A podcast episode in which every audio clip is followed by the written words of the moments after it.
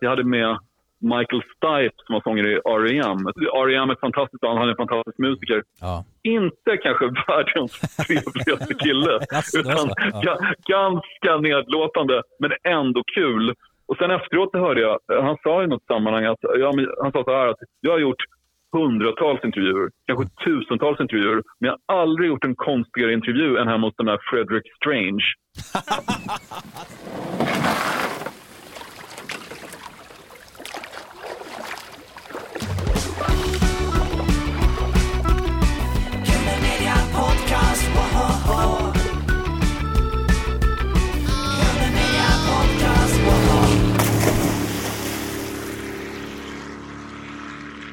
Välkommen eh, Fredrik Strage till Grunden Media Podcast med mig Carl Magnus Eriksson och Jakob Olsson. Och Erik Jensen. Hej på er, Carl Magnus, Jakob och Erik. Hej Fredrik. Välkommen hit. Tack. På tråden från, eh, ja var befinner du dig nu? Är det Stockholm? Eller är du ute Jag är i Stockholm på Östermalm just nu. Ah, härligt. anrika kvarter. Hur är Ja, läget, jag är, jag är i mina föräldrars lägenhet där Ja. jag brukar sitta och jobba ibland. Ja, ja, ja. Hur är läget på Södermalm i Stockholm? Det är bra. Jag har varit och läst in så kallad voiceover till en kampanj som Visit Sweden, alltså en, ett, eh, en organisation som jobbar för regeringen har gjort, Ja. som ska främja turismen i Sverige genom att få folk att åka till platser där klassiska svenska skivomslag Åh! eh, har, har tagit. Ja. Där de har tagit bilden till de här omslagen. Till exempel Marie Fredrikssons uh, Efter stormen-omslag. Ja. Eh, Efter stormen som är taget i uh, Tylösand och eh, även eh, bilden på Håkan Hellströms Två steg från Paradise. Den bilden när man ser hela Göteborg i bakgrunden. Ja. Ja, jag såg. Den, den, så så min, min roll har varit att, att kommentera de här omslagen och berätta lite om artisterna. Så jag har läst in voiceover till, till, den, till de reklamfilmerna på förmiddagen. Åh, vad spännande. Alltså det där, eh, jag vet inte varför jag osökt tänker på Noise eh, tunnelbanebild där, men den finns ju inte kvar va? Det är i Slussen. Gula gången, nej den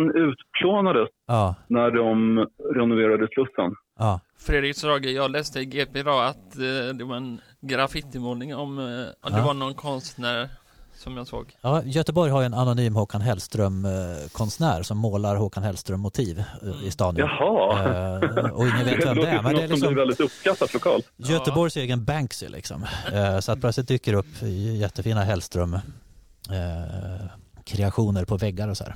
Ja, Det är intressant, för Hå- Håkan, jag gjorde en intervju med honom för många år sedan och då berättade han att han hade flera vänner som Ja. ägnade sig en hel del åt graffiti. Ja, Så det, det finns, även om han själv inte har varit ute och sprayat någonting så har han vänner, eller kompisar från förr, som Lat- Latin Kings uttryckte det som, höll på Ja, jättemycket ja. med graffiti. ja, Så det, det, det, är ett ganska, det är ganska passande att använda den konstformen för att hylla honom, tycker jag. Absolut. Ja, en vacker konstform. Hur ser en vanlig vecka ut för dig Fredrik? Ja, jag, jag, jag skilde mig för några år sedan. Jag, vi har, jag har barn på halvtid och vi, har, vi tar hand om barnen enligt ett slags 2-2-3-schema då jag har, den ena veckan har jag ungar måndag, tisdag och sen fredag, lördag, söndag. Och veckan därpå har jag bara barnen onsdag, torsdag. Så det är väl det som styr det mesta. Sen varje vecka så ska jag också leverera en krönika till DN. Den ska vara klar varje torsdag morgon och det är väl den som jag ägnar egentligen mest energi. Det är kanske det svåraste av det som jag sysslar med. Mm. Sen varannan vecka så spelar vi in en podcast också som kommer på torsdagen. Och varannan vecka så är jag med i TV4 Nyhetsmorgon och pratar om ny musik.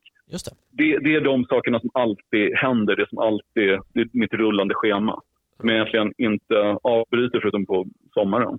Roligt. sen gör jag andra saker också som, som dyker upp ibland. Jag åker runt med den här blandningen av föreläsning och stand-up show och vad jag kallar för en popkulturell predikan som jag kallar för Ja, Strage on stage, eller Strage on stage. Eh, Och den, den började för några år sedan på Mosebacke i Stockholm. Sen har det bara fortsatt. Jag tycker att det är ganska roligt. Så jag fick precis en, något jag inte har haft förut, en, en egen bokare som aktivt håller på att boka upp uh, framträdanden för mig. Mm. Och nu, nu plötsligt är hela hösten nästan smockfull och det är ju väldigt kul för jag hade aldrig förväntat mig att jag skulle kunna syssla med något sånt. ja men eh, du var precis i Göteborg och det lyckades jag missa tyvärr, men du var här på skeppet va? Eh, Skeppet, ja precis. Ja. Nu fick jag reda på att jag, jag faktiskt ska till Göteborg igen i höst. Jag har fått en, ett gig i Mölndal av alla ställen. Se där, ja. Ja. Ja. Men vad kul. Så det, där, det, där, det där är väldigt kul. Och sen, sen gör jag andra saker också, olika typer av menar, andra sorters artiklar. Och, men jag, jag har, ganska svårt att få tiden att räcka. Men det, det, det, det som är, vad ska man säga, det, det som verkligen kräver, det som ger mig lite ångest i den här DN-krönikan, det är, svårt att komma på idéer till den. Mhm. Och jag, jag, ibland, ibland mår jag rätt dåligt på tisdagar. Mm. Tisdagar är ofta min sämsta dag, för då måste jag komma på någonting. Och har jag inte gjort det, så går jag runt och våndas. Mm, Okej. Men Jag tänker att du kan eh, luta dig tillbaka mot någon slags rutin sådär, eller känner du att eh, det finns en, en, Nej, en, det- en det- kniv på strupen att leverera? Liksom. Ja, jag, jag, jag, jag, känner uh, väldig press och jag, jag blir alltid jag är skräckslagen inför att det inte var bra. Mm. Och jag, jag tänker, ibland är det nästan som att jag, hela mitt människovärde styrs efter hur bra senaste krönikan var.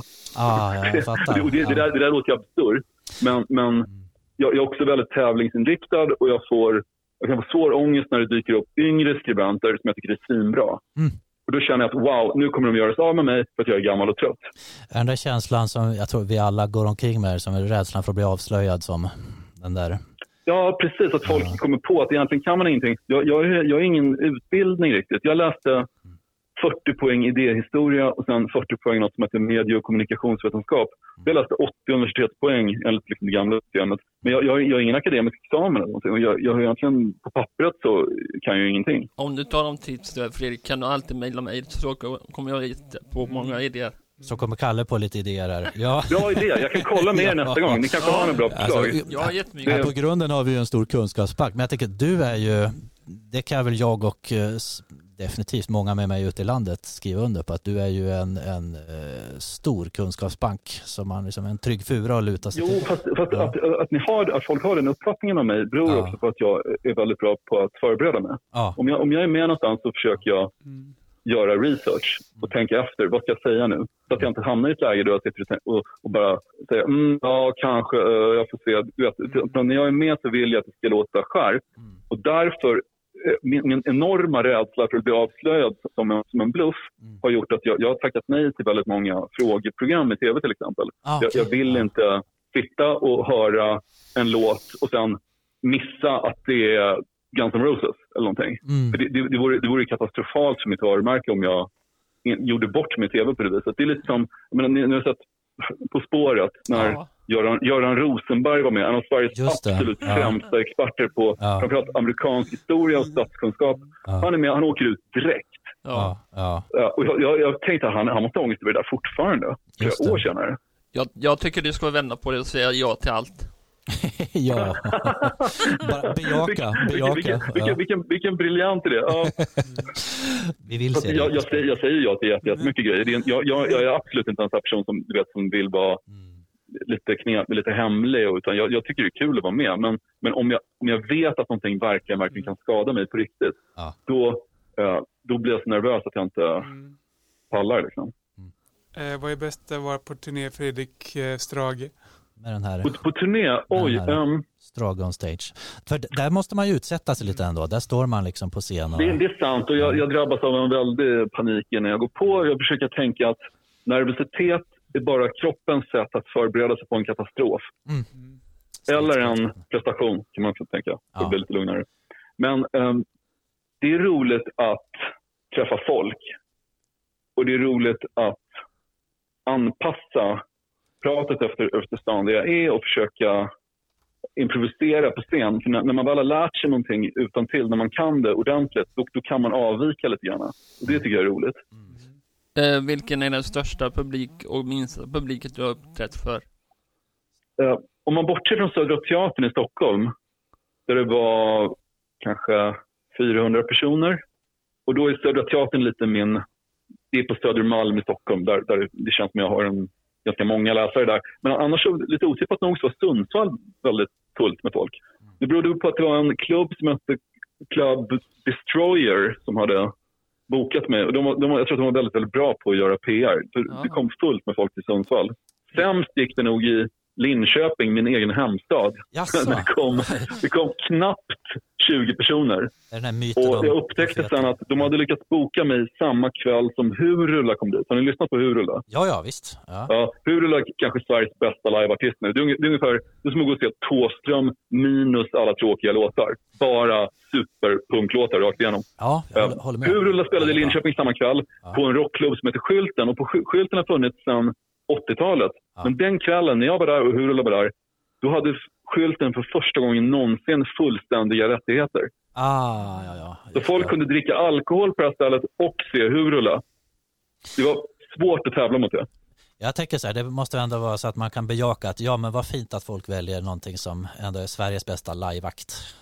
Alltså jag, var, jag övervägde att bara lägga ner och gå dit själv också. Ja. Men, ja.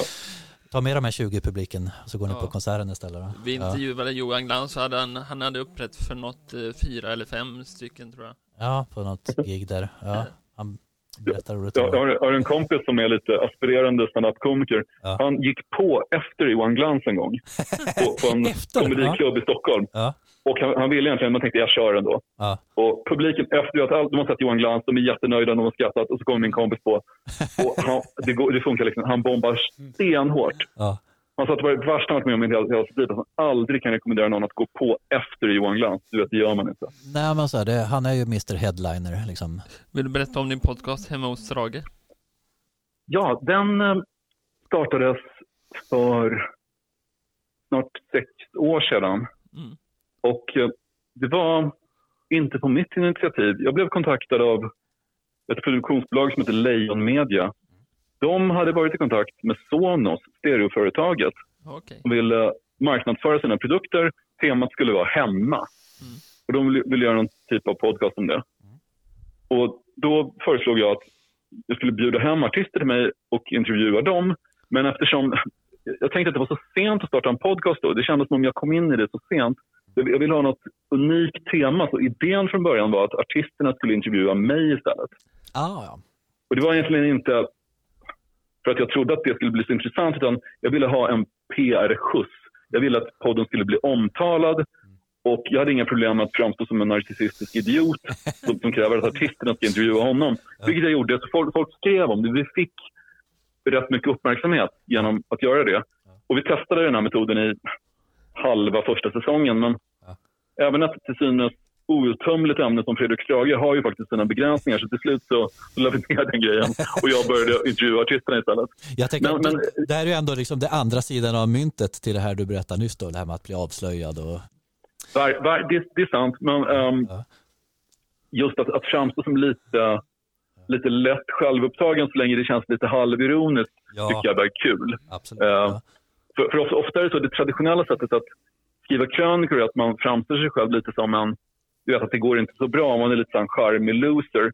Och jag, jag tror att, att, att vara lite så här bindgalet narcissistisk kan, kan, det är ett ganska kul stilgrepp. Ja. Och det använde jag när, när podden drog igång.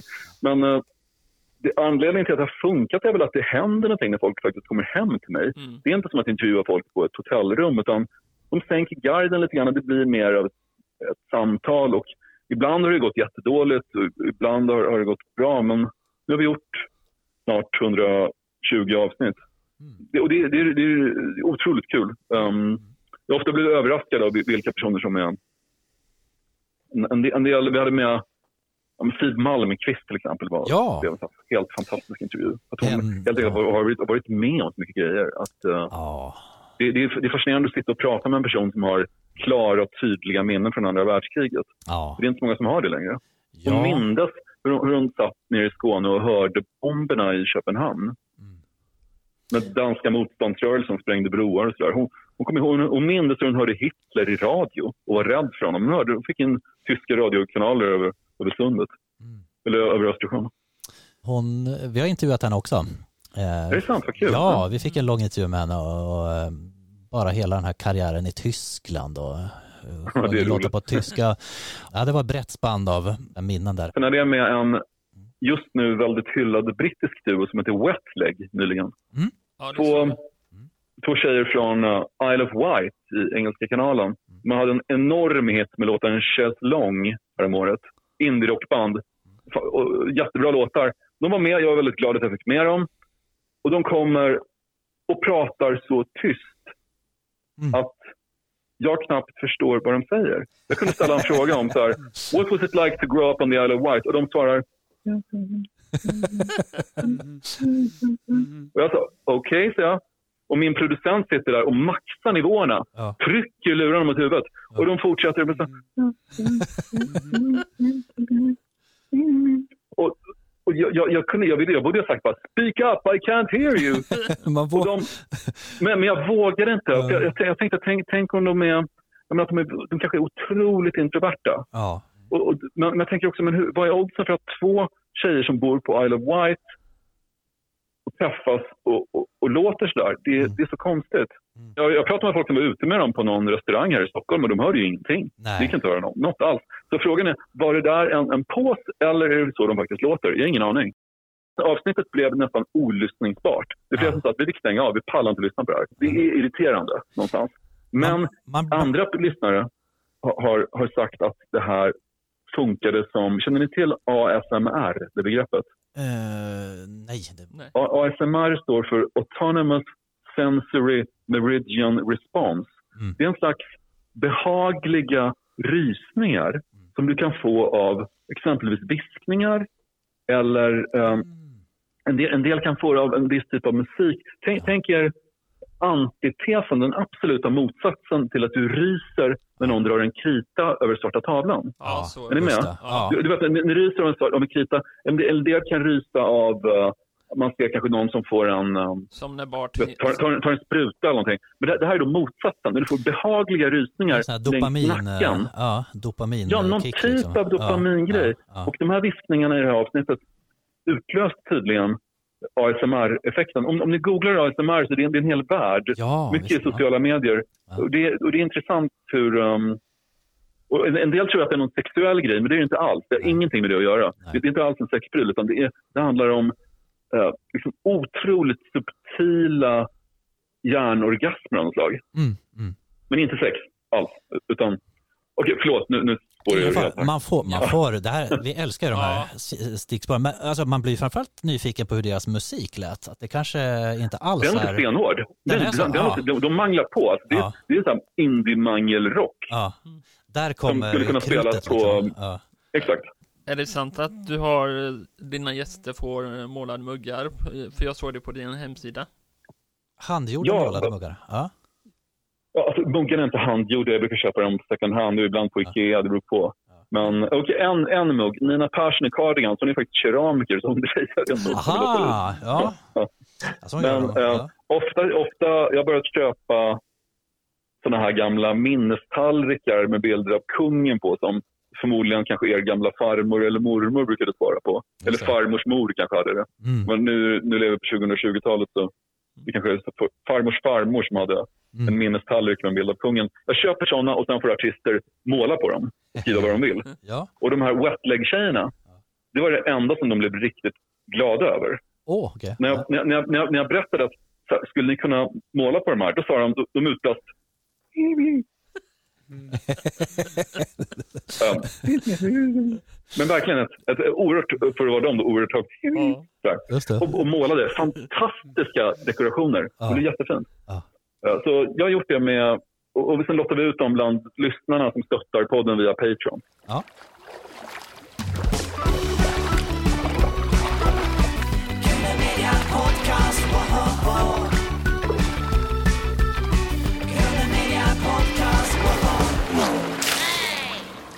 Eh, Vilka förebilder hade du som ung eh, Felix Strage? När jag ville skriva så var Jan Gradvall en stor förebild till mig. Ja, För han, han kom från Linköping, precis som jag. just det. Och jag, lä, jag läste honom i Slits, som på den tiden inte var en halv uh, kill herr porrtidning som det blev sen, utan Mm. ett väldigt tjusigt livsstilsmagasin. Sen läste jag en brittisk journalist som heter Chris Heath. Chris Heath är inte speciellt känd. Han har gett ut böcker om Pet Shop Boys, den gruppen. Mm. Och han har gett ut en bok om Robbie, Robbie Williams också.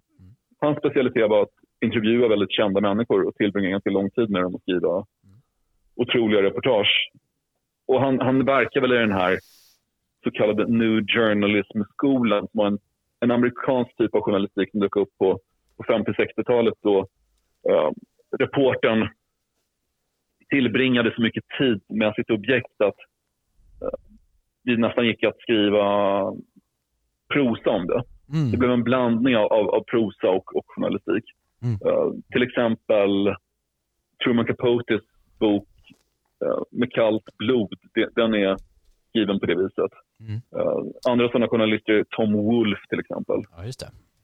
Och så, my- många amerikanska journalister var förebilder för mig. På senare år jag har jag läst en amerikanska som heter Vanessa Gregoriadi som skrev en helt otrolig artikel om Britney Spears. När Britney Spears hade sitt lite psykbryt i slutet av 00-talet. Det finns en annan amerikansk journalist som heter Gay Talise som jag älskar också. Han är väldigt känd för sitt reportage Frank Sinatra has a cold. Det, det är ett reportage som brukar delas ut på journalistutbildningar.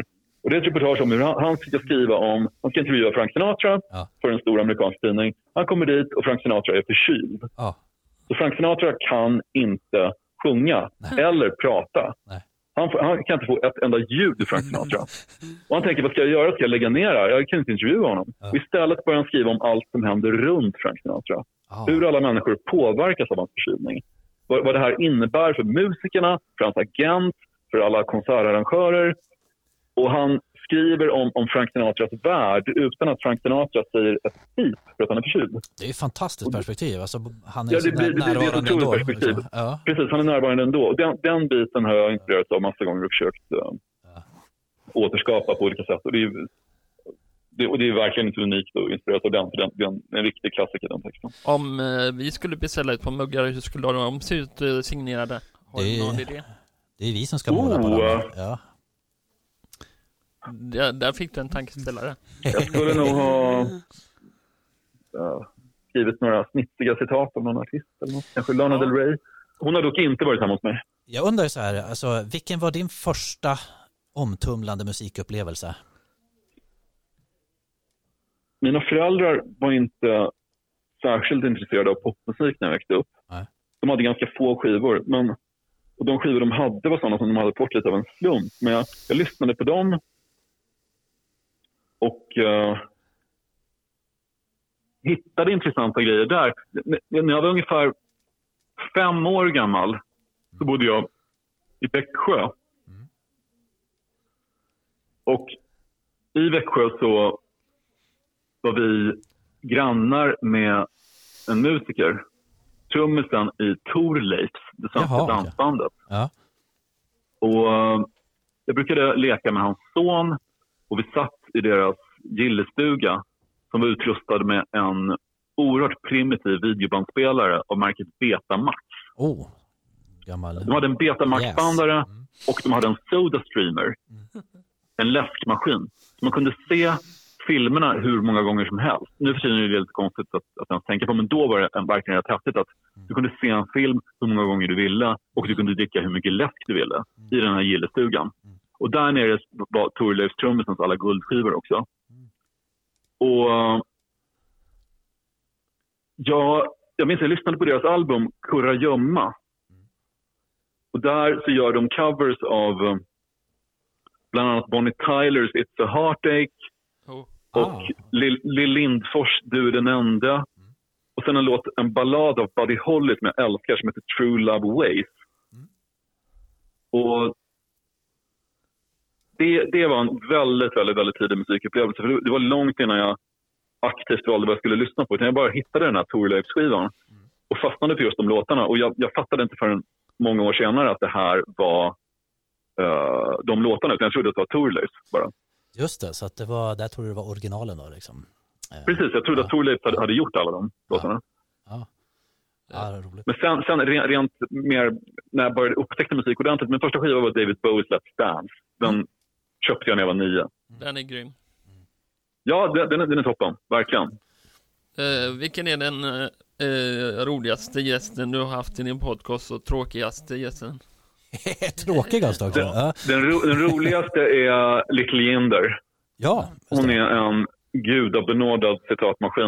Mm. Hon var väldigt, väldigt, väldigt, väldigt kul. Mm. Um, Och den som inte har varit så rolig. Den som det gick sämst med, det är nog Wetleg faktiskt. Det blev, det var, Ah. där var det, hade inte de just nu varit så himla hypade, de låg, de låg etta på brittiska albumlistan här veckan. Om de inte var så stora så hade vi nog faktiskt eh, hoppat över det avsnittet. Ah. För det, eftersom det helt enkelt knappt gick att lyssna på. Det var den mest misslyckade. Sen är det några tillfällen då det har blivit allmänt dålig stämning men ändå har funkat. Jag hade med Michael Stipe som var sångare i R.E.M. Ett Ja, amerikanskt band som var väldigt Ja. stora på 90-talet. Ja, Jajamän. Och han- Losing My Rel- Religion. Ja. Exakt, riktig klassiker. Losing My Religion. Är ju... Eh, Ja, ja, de, de, R.E.M. är ett fantastiskt band. Han är en fantastisk musiker. Ja. Inte kanske världens trevligaste kille, utan? Ja. ga- ganska nedlåtande, men ändå kul. Och sen efteråt hörde jag, han sa i något sammanhang att, ja, men han sa så här att jag har gjort hundratals intervjuer, kanske tusentals intervjuer, men jag har aldrig gjort en konstigare intervju än hemma hos den här Frederick Strange. Fredrik Så, Strange. så Ja. han, han hade i alla fall kul och det är ju, det är ju roligt, men jag blir lite Ja. jag blir lite nervös när någon bara, du vet, när en väldigt känd person sitter och bara stirrar på mig Ja. och ser missbelåten ut. Det är ett märkligt band där. Så lika missbelåten som han ser ut, lika glad ser Mike Mills ut. Ha- Basisten. Jag älskar, jag älskar hans videor på Youtube. Ja, de är fina. Men apropå eh, Janne Gradvall, det är faktiskt så att vi har en följdfråga till dig här från honom. Hej Fredrik Strage. Min fråga till dig. Vad har Hjulsbro betytt för dig? Det bästa med Hjulsbro är Jan Gradvall, det är ett jättetråkigt svar. Han, han, han kommer därifrån.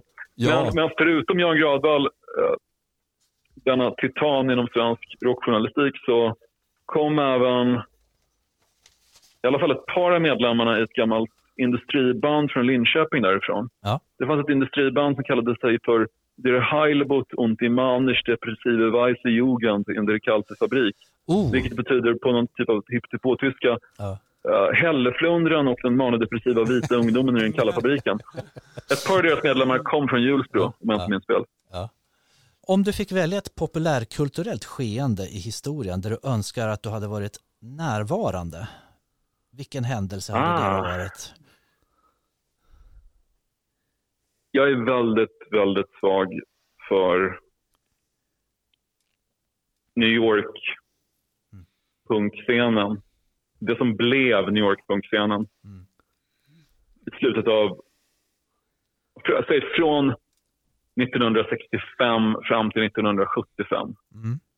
Och eh, kretsarna kring Andy Warhol på The Factory och Velvet Underground och Ja, det som sen blev Ramones och Blondie och alla de här banden, New York Dolls Mm. och eh, det fanns ett amerikanskt band som var lite mer obskyra än de jag just nämnde som, som hette Suicide Mm.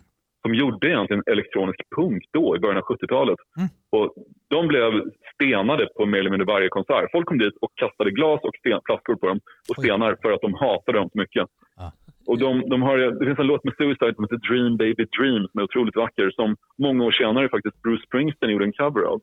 Ah. Han, han, tyckte också om dem. Jag hade velat se Suicide och eh, hade velat vara på The Factory. Nu vet jag i och för sig att problemet med att romantisera sådana här eror i efterhand är att det, när det väl hände så var det inte så speciellt som det sen blev. Ja. Utan sådana här gyllene eror uppstår först i efterhand. Jag har träffat folk som har blivit helt häpna när jag har berättat att jag hängde på Skånegatan i Stockholm Ja.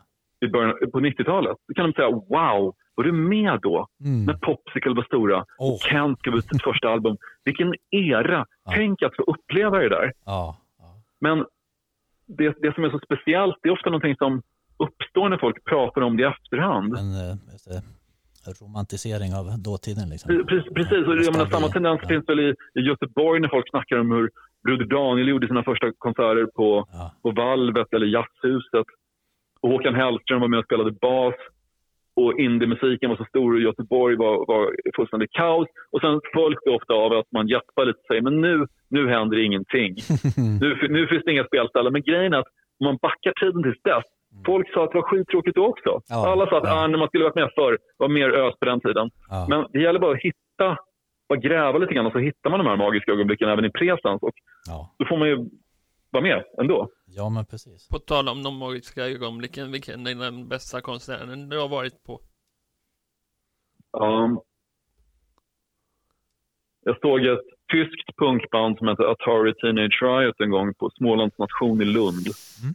Det var oerhört kaotiskt och intensivt och omtumlande.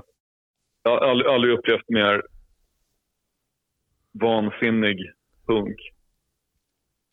En annan spelning som var omtumlande var reggaeartisten Bujo Banton när han uppträdde på Gino i mitten av 90-talet. En väldigt massiv basbultande typ av så kallad dancehall reggae. Väldigt, väldigt svettigt och ösigt. Och sen kanske när jag såg Lana Del Rey på Annexet i Stockholm 2014 tror jag att det var. Um, alltså när hon fortfarande turnerade på första skivan. Det var väldigt elegant. Hon, hon, hela scenen såg ut som ett stort palats i Beverly Hills eller någonting med palmer och statyer. Och sen förstås mitt svenska favoritband Kite. Mm. Deras spelning på Operan var helt extremt upplyftande. Aldrig sett något svenskt band göra något liknande. Har du sett eh, David Bowie och Prince live? Ja, jag såg Prince på Isstadion 1998. Han, åkte in, han kom in i konsertlokalen ridande på, på axlarna på sin basist. Sen hoppar han upp på pianot. Det första han gör är att gå ner i split, gå ner i spagat, Oj, i högklackat. Han var ju som en tornado på scen. Mm. Bowie såg jag i Globen tidigt 1996. Outside-turnén, det är det bästa jag sett med honom. Sen såg jag honom igen på Lollipop-festivalen i Stockholm 1997. Men eh, Globen var, var det bästa jag sett med honom. Framförallt, han, spelade, han har en låt som heter Andy Warhol som gjorde en otrolig version av då. Apropå eh, recensioner. Ångrar du någon re- recension, eh, Fredrik Strage? Om jag ångrar någon recension? Ja, jag, jag recenserade en gång filmen Arn. Oh, Och jag hade väldigt bråttom med att skriva recensionen. Den var tvungen att in, vara inne på bara en och en halv timme eller någonting. Så jag, jag, skrev, jag gav den en trea och tänkte att ah, men det är väl okej. Det var väl okej. Och sen i efterhand så insåg jag att det är inte värd en trea den här filmen. Det är en tvåa. Och så såg jag kön utanför biografen och tänkte herregud vad jag ställt till med. vad har jag gjort? Det är mitt fel att folk... Det är folk som, folk som går och ser filmen och tänker att den ska vara bra. Så då tänkte jag, men jag, jag, jag, jag, kan inte, jag kan inte leva med mig själv. Jag måste göra någonting. Ja. Jag åkte iväg och jag åkte till en bankomat och tog ut uh, hundralappar. Ja. 1500 lappar. Ja. Så ställde jag mig utanför Rigoletto på Kungsgatan i Stockholm och väntade på att folk skulle komma ut från filmen. Ja. Så dök jag på dem och sa ursäkta, vad har ni sett? Har ni sett Arn? Ja, sa de. Vad tyckte ni? sa jag. Och så skakade de på huvudet och sa nej, det var inget vidare. Ska jag säga, ja. Då sa jag, ja, ursäkta, så här är det. Den fick tyvärr fel betyg i Dagens Nyheter, så här är 100 spänn. Pengarna Ja, men, tillbaka. åh. Så de fick pengarna tillbaks personligen? nu De fick pengarna tillbaka och, Ja, och då var det ja. förstås folk som sa, Ja. Först sa att jag tyckte de var jättebra. Ja. Som sen såg att deras pojke eller flickvän fick pengarna tillbaka. Ja. Då sa de, du är närmare eftertanke. Så var den sög ganska hårt. Du sa, nej, nej, nej, nej, du sa först att de var bra. Så det, det gjorde jag en gång. Det var ju verkligen att göra en pudel och ge folk pengarna tillbaka utanför biografer. Ja, verkligen. Och, det Jan Guillou var väl inte helt förtjust i den artikeln. Nej, jag förstår det. Precis det jag skulle fråga. Jag tänkte annars att han, han har nog Ja. ändå så mycket pengar, han bryr sig inte. han klarar sig. Ja. Ja. Det är möjligt. Eh, vad lyssnar du på för musiken i Spotify? Lite tips inför sommaren här till våra lyssnare. Ja. Jag har lyssnat på ett svenskt depprockband som heter Pink Milk ganska mycket på sistone. Som eh, kommer från Gotland. Ja. De blev jag förtjust i. Sen har jag lyssnat på en ukrainsk technoproducent som kallar sig Ship Her Son. Alltså skepp hennes son, Ship Her Son. Och jag upptäckte precis en galen fransk elektroakt som heter Poltergeist. Mm. Som sjunger på tyska, som jag blev förälskad i. Sen, sen har jag fortsatt lyssna mycket på Perturbator, en annan fransk technoproducent som jag är extremt förtjust i. Vars pappa, Nick Kent, var en av mina stora journalistförebilder. Vad lyssnar du på? Bobhund och eh, R.E.M. och så massa annat. Ja, vad kul. Ja. Bob Hund är ju våra trognaste intervju eh, Men jag har offer eller på att säga. Vi har intervjuat allt ifrån eh, Thomas Öberg till Martin Kann här så att det är liksom, Vad kul. Jag, jag, jag, jag mejlade precis med Martin Kahn Ja. angående det här, um, den här kampanjen jag nämnde inledningsvis Ja. om hur um, Visit Sweden försöker få folk att turista i hela Sverige Ja. genom att um, visa skivomslag. Och ett, ett av skivomslagen som är med är ja, omslaget till uh, Bob Hunds Jag jag, rear- ut min själ, Ja. allt ska bort. Mm. En bild som togs upp i Kiruna. just det. Så jag mejlade Martin Kahn och frågade var togs den här bilden egentligen? Och då visade det sig att den platsen existerar inte längre. Mm. För de, det det är en sjö i bakgrunden. Sjön är torrlagd och allt har rasat ner i en stor grop. För de flyttade ju hela gruvan. Just ja. ja. Så, och det, var, det var så intressant att en plats som är med på ett klassiskt skivomslag faktiskt inte längre finns alls. Och på så här, ironiskt med titeln där också. Det passar Jag vet, det, det, det, passar på något vis Bob Hund som Ja. var lite så här underground alternativrock. Att de har försvunnit ner i underjorden igen, bokstavligt talat. Helt, Ja. Alltihop rasade ner i flera hundra meter i en ravin. Jag såg på Youtube förut och Ja. eh, vilken tror du blir årets eh, sommarplåga? Åh, oh, vad svårt. Ehm, Kanske Linköpingsbandet håller på fortfarande. Nej, de, de, de, de gick käpprätt åt skogen. Eh, Wet, wetleg, Men- wetleg. Wetleg. Ja. Ja, alltså jag hoppas att årets sommarplåga blir de här franska Poltergeist som man nämnde förut. Mm. De har en låt som heter Angst för den Bösen. Mm. Alltså rädsla för de elaka. Angst för den Bösen. Även om de är ju fransmän man sjunger på, Ja, på tyska. Jag hop, hop, hoppas på den, men det kommer förmodligen bli något förfärligt som jag inte pallar att lyssna på. Det får vi lyssna på Spotify. Ja, Jag får göra det. det får in. Bra tips där. Ja. Fredrik, vi ska börja avrunda här. Vi hade kunnat hålla på hela dagen som du märker, men Ja, vi har vår beskärda del av tiden helt enkelt. vi får göra Men, del två. ja. men vi har i alla fall någonting som heter fem snabba här till dig innan vi Ja. avrundar. Så här kommer det fem snabba med Fredrik Strage.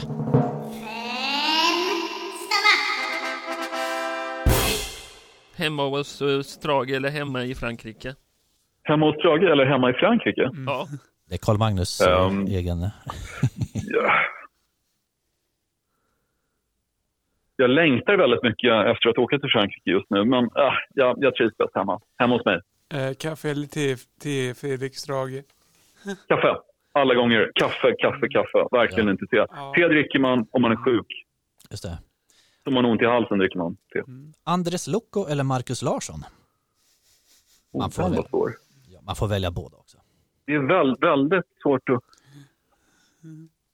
För, för 20 år sedan hade det förstås varit Andres. Han, han är en sån, men Marcus är så vansinnigt rolig, inte minst när han, när han blir så här bitter och arg. Ja, ja, ja, visst. Så, jag, du vet vad, jag, jag, har så, jag har svårt att välja mellan dem. Alltså. Jag är ledsen. Men, ehm, När Marcus kommenterar Ja. Melodifestivalen så uppstår det ja, men han, sy- han syrliga- tvingas iväg på det. Ja. Och han, han blir, och han, man märker att han blir skadad av det. Han, han blir ett kolli av att skriva om den här Ja. tävlingen. Han, på, han påminner starkt om krigskorrespondenter som kommer tillbaka från Syrien och, och behöver Traumatiserad. terapi. För, de, de så här posttraumatiskt stressyndrom för de har utsatts för så mycket hemskheter. Ja. Så är det när han har varit i Mello. Ja, jag måste säga det är en del fantastiska ordval där som jag, eh, ja, man vill rama in nästan. Ja, och sen är det så kul när han väl går på en konsert med något annat. Ja. Då är det det bästa han någonsin har sett. Ja, ja, ja visst. Och han, han kan gå på vilken så random indiekonsert som helst och han kommer tycka att det här, de är genier. Wow, tänk att musiken var så här bra. Det beror på traumat då, liksom, att han är utsläppt Precis. ur den här eh, melloträsket då. Ja. Gasol eller eh, Fossi, Fossifanzin. ja tror jag man säger. Är Gaston ett musikfanzine? Ja, det är tidningen.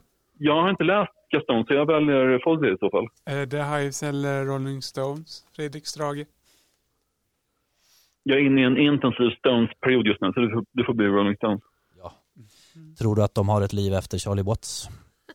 Det har de ju visat Jag har köpt har. biljetter precis till konserten på Friends Arena, så jag hoppas verkligen det. Ja, det ska bli spännande. Jag, jag, jag har aldrig sett Rolling Stones live förut, så det blir första gången. Ja, är och sista för dem, antar jag. Ja, jag säger inte det. Keith Richards kommer att överleva det mesta känns det Eller hur? Ja, David Bowie eller Prince. Bowie. rätt svar. Ja. Tack så mycket Fredrik för att du ville prata lite med oss här. Vi är Tack för att jag fick komma. Det här var jätteroligt, hörni. Sköt om dig och lycka till med framtida projekten nu då. Tack så Ha det jättemycket. fint allihopa. Ha det gott Fredrik. Ha det bra Tack, tack. Hej då. Hej då. Thank you.